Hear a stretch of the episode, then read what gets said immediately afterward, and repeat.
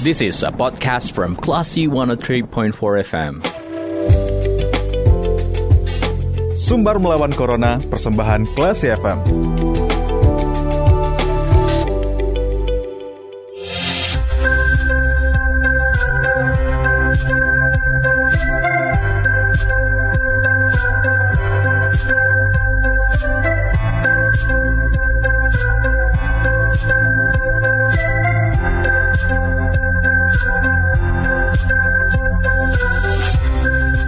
...103,4 Classy FM bersama kita lawan Corona. Classy People, saatnya Anda mencermati obrolan seputar perkembangan COVID-19 di Sumatera Barat yang dikemas dalam program Sumber Melawan Corona, persembahan Yayasan Semen Padang Semen Padang Hospital bersama saya Bimo Alvaro. Classy People, beberapa waktu yang lalu sudah diberitakan ya kalau di Sumatera Barat untuk kasus positif COVID-19 sudah mulai melandai. Gencarnya kegiatan vaksinasi dilakukan di berbagai uh, kalangan dan juga lini, uh, lini dan uh, masyarakat juga banyak yang sudah divaksinasi termasuk juga untuk mereka pelajar di bawah usia 17 tahun. Tentunya dengan berita melandainya COVID-19 di Sumatera Barat menjadi semacam angin segar. Tetapi banyak juga nih orang orang-orang yang masih berpikir kalau misalnya udah divaksinasi, mereka bisa abai dalam menerapkan protokol kesehatan. Nah, kita pengen tahu nih Classy People, kira-kira gimana ya untuk menerapkan prokes uh, di tempat kantor atau mungkin yang pengen nongkrong di kafe-kafe kira-kira harus gimana sih kafe yang bisa kita datangi biar nantinya kita nggak terpapar COVID-19. Untuk berbicara seputar hal tersebut kita sudah tersambung via line telepon ada Dr. Mia Eka uh, selaku dokter dari Semen Padang Hospital yang akan berbicara tentang gimana kiat-kiat untuk ngopi dan juga ngantor yang aman. Langsung kita sapa, Assalamualaikum, selamat sore Dr. Mia. Waalaikumsalam. Halo, selamat sore Mas Bimo. Selamat sore uh, Dokter Mia. Gimana kabarnya sore hari ini?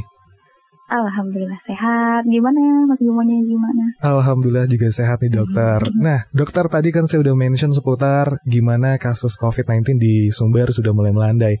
Tapi hmm. kita juga lihat nih uh, banyak kegiatan vaksinasi sudah dilakukan. Nah gimana nih dokter?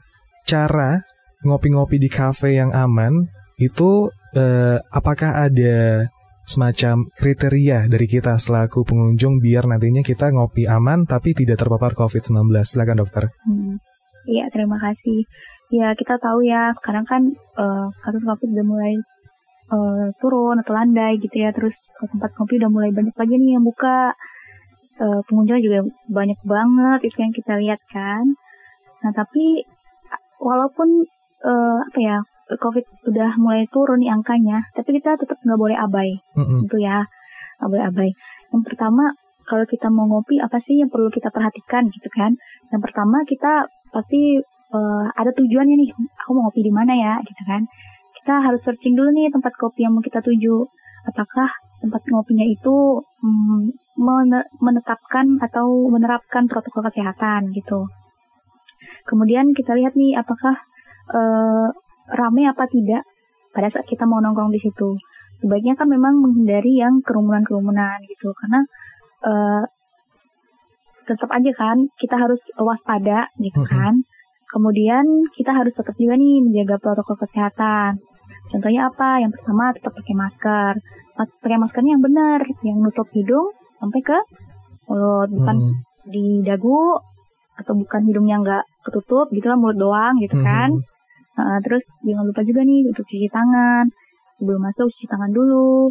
Waktu kita antriannya uh, ada hand sanitizer dulu gitu sebelum pesan. Kemudian diperhatikan juga jarak.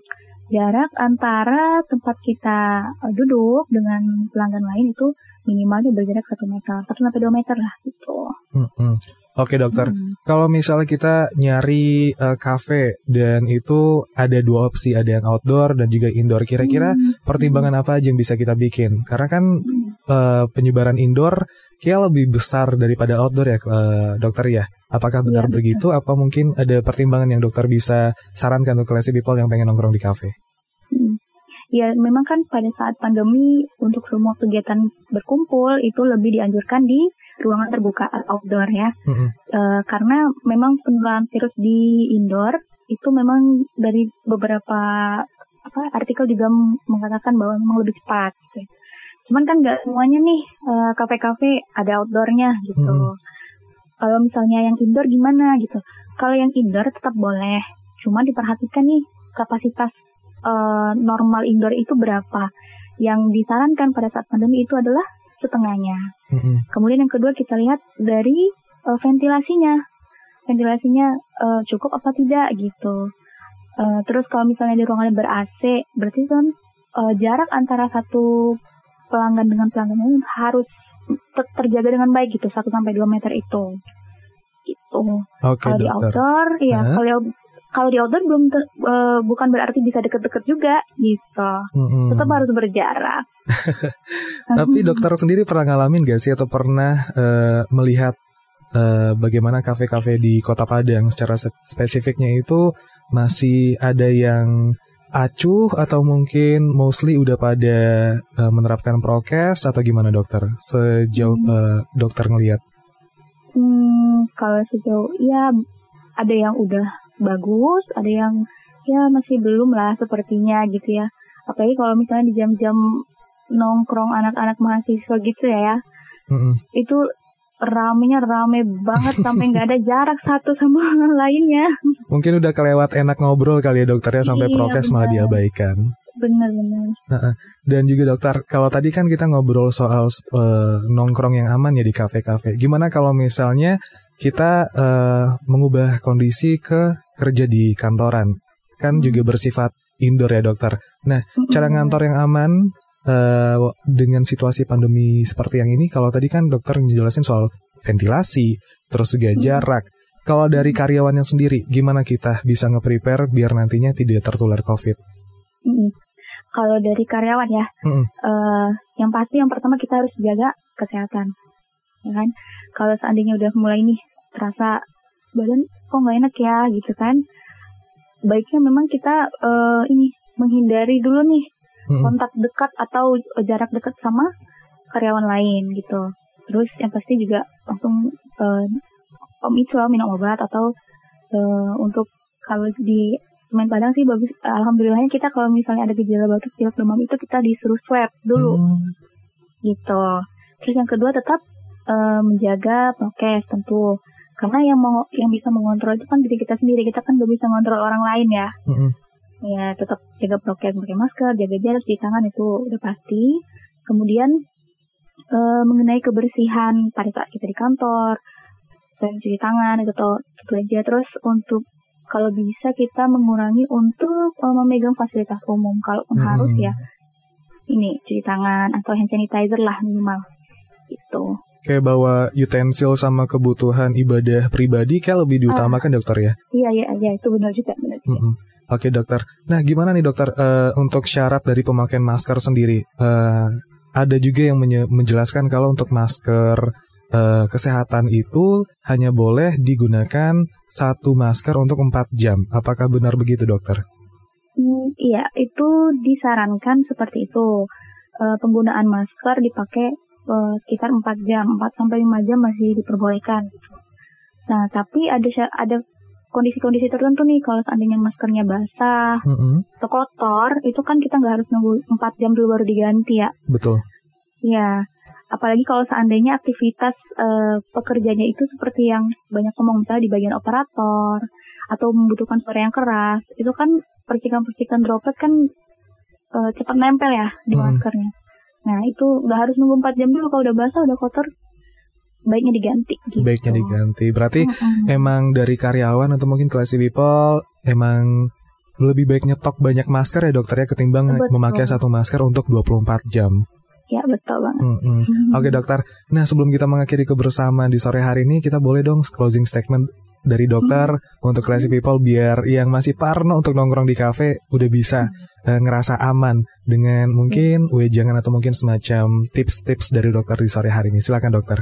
Hmm, iya. Untuk classy people semua yang mau nongkrong, eh, nggak apa-apa kok kita eh, insya Allah aman asalkan tetap menerapkan eh, prokes dan kita menjaga eh, kebersihan diri kita. Oke dokter, singkat padat dan jelas ya eh, classy people ya. Dan untuk anda eh, demikian Sumber melawan corona kali ini bersama Dr. Mia Eka. Semoga informasi yang kita bagi di sore hari ini bermanfaat untuk kita semua. Terima kasih Dr. Mia sudah menyempatkan Ya, waktu. sama-sama. Oke, selamat bertugas kembali dan sampai ketemu di lain kesempatan. Assalamualaikum.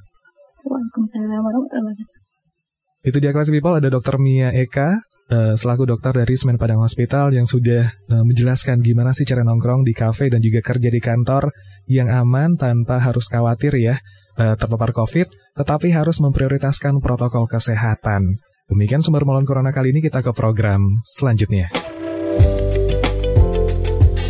Terima kasih.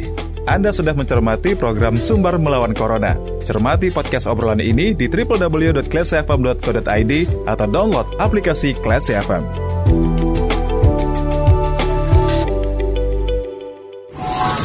This is a podcast from Classy 103.4 FM.